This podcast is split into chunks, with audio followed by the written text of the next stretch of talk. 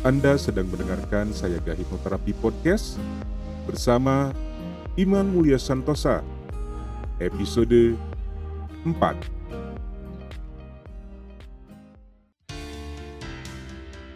Selamat datang di serial audio podcast bersama Sayaga Hipnoterapi, institusi penyedia layanan hipnoterapi dan konseling profesional di Kota Bandung yang membantu penanganan berbagai masalah kesehatan, emosi, dan perilaku yang mengganggu kualitas hidup.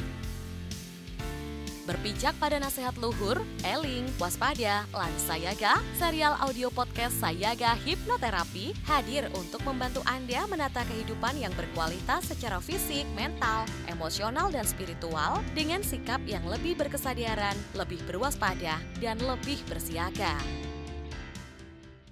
Halo kewargian Sayaga, berjumpa kembali bersama saya Iman Mulia Santosa di Sayaga Hipnoterapi Podcast.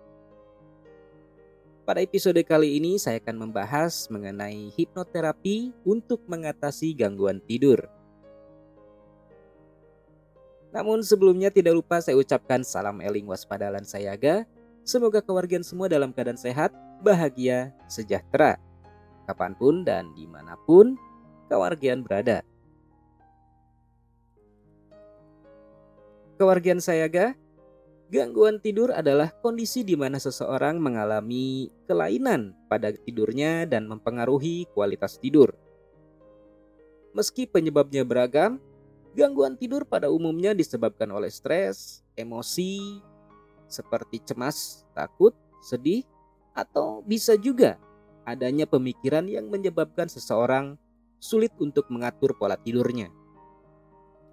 Kondisi ini dapat menimbulkan penurunan kualitas tidur yang berdampak pada kesehatan dan keselamatan penderitanya.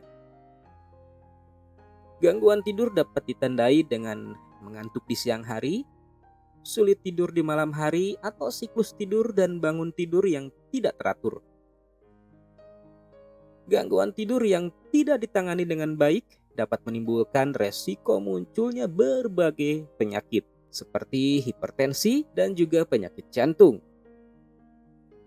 Sampai sejauh ini terdapat sekitar 80 jenis gangguan tidur. Meski terdapat sekitar 80 jenis gangguan tidur, umumnya orang yang mengalami gangguan tidur mengidap insomnia. Insomnia adalah kondisi ketika seseorang sulit tidur atau butuh waktu yang sangat lama sampai dia bisa tidur. Insomnia dapat disebabkan oleh kebiasaan sebelum tidur yang tidak baik, gangguan mental, atau penyakit tertentu. Gangguan tidur yang kedua adalah hipersomnia. Hipersomnia adalah kondisi ketika penderitanya tidur yang sangat panjang, sehingga penderitanya selalu mengantuk di siang hari. Ada berbagai hal yang berpotensi menyebabkan hipersomnia atau tidur berlebihan. Salah satunya adalah depresi. Yang ketiga adalah tidur berjalan. Tidur berjalan atau sleepwalking dalam istilah medis disebut somnambulism. Penderita kondisi ini sering bangun, berjalan, atau melakukan berbagai kegiatan dalam keadaan tidur. Tetapi ia tidak menyadari apa yang dilakukannya. Kondisi ini bisa dialami oleh orang dewasa dan juga anak-anak. Yang keempat adalah nightmare atau mimpi buruk. Gangguan tidur ini terjadi pada saat otak menyebabkan seseorang memimpikan hal-hal yang meresahkan. Belum diketahui mengapa kondisi ini terjadi, namun gangguan tidur pada anak diduga dipicu oleh rasa cemas, atau takut bila jauh dari orang tuanya. Yang kelima adalah sleep terror atau teror tidur. Sleep terror lebih sering terjadi pada anak-anak, terutama yang berusia 4 sampai 8 tahun. Penderitanya dapat tampak ketakutan hingga berteriak ketika tidur. Pada anak, kondisi ini dapat dipicu oleh kelelahan atau demam. Ada beberapa gejala yang dialami oleh seseorang yang menderita gangguan tidur. Antara lain, gejala yang pertama adalah bangun dan tidur di waktu yang tidak teratur. Gejala kedua, sulit tidur di malam hari. Gejala ketiga, gerakan tungkai yang tidak disengaja saat ingin tertidur. Gejala keempat, irama nafas yang tidak normal saat tidur. Gejala kelima, ketakutan, bergangguan tidur, berteriak atau berjalan ketika tidur. Gejala keenam yaitu kebiasaan mendengkur, tersedak, menggertakkan gigi, atau berhenti bernafas sesaat ketika sedang tidur. Gejala ketujuh, sering terbangun saat sudah tertidur dan sulit untuk tidur kembali. Gejala kedelapan, tidak dapat menggerakkan badan ketika bangun tidur. Gejala kesembilan, sering mengantuk di siang hari sehingga dapat tiba-tiba tertidur di waktu yang tidak wajar, misalnya saat mengemudi.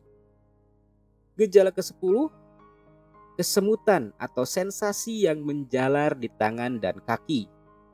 Gejala terakhir adalah lemah otot, badan lemas, atau sering merasa lelah. Lalu, bagaimana hipnoterapi dapat membantu mengatasi gangguan tidur? Dari sudut pandang hipnoterapi, gangguan tidur dipandang sebagai salah satu tanda adanya emosi, pemikiran, dan juga stres yang ada di pikiran bawah sadar.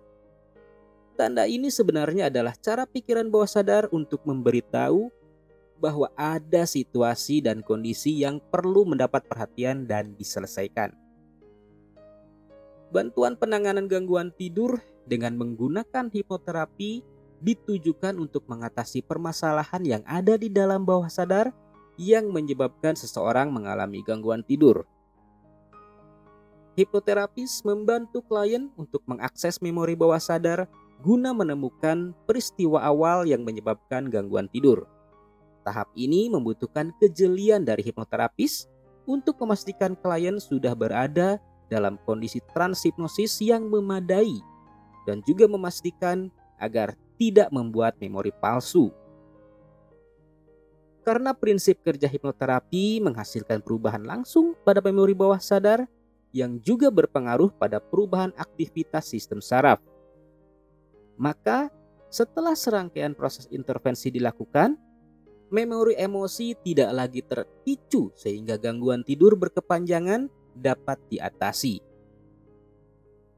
Hipnoterapi bukanlah sebatas proses memberikan sugesti, lalu kesembuhan terjadi dengan sendirinya.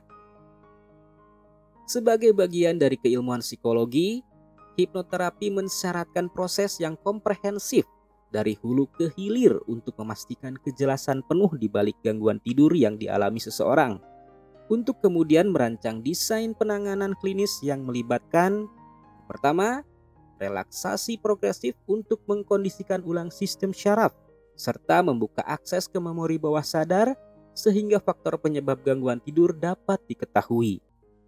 Yang kedua, penanganan gangguan tidur dengan teknik spesifik yang melibatkan proses rekonsolidasi memori. Yang ketiga, penguatan mental atau ego strengthening untuk meningkatkan ketahanan mental dalam menghadapi situasi yang sebelumnya menimbulkan gangguan tidur. Yang terakhir atau yang keempat, melatih klien agar dapat memahami makna di balik gangguan tidurnya sehingga dapat menyadari bahwa gangguan tidurnya hanyalah sebuah tanda dari pikiran bawah sadar. Nah, kawaragian, itulah cara penanganan hipnoterapi untuk membantu mengatasi gangguan tidur. Semoga menjadi manfaat bagi keluarga semua. Terima kasih. Saya Iman Mulia Santosa pamit mundur dari ruang dengar Anda. Salam eling, waspada, lan sayaga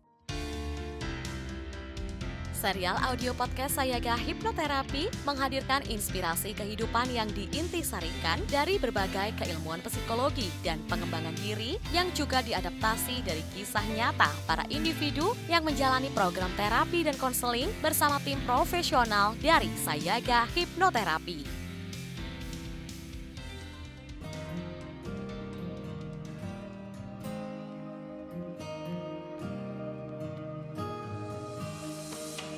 Dapatkan lebih banyak inspirasi menarik lainnya dengan ikuti Instagram @sayagahipnoterapi Bandung dan podcast channel Sayaga Hipnoterapi.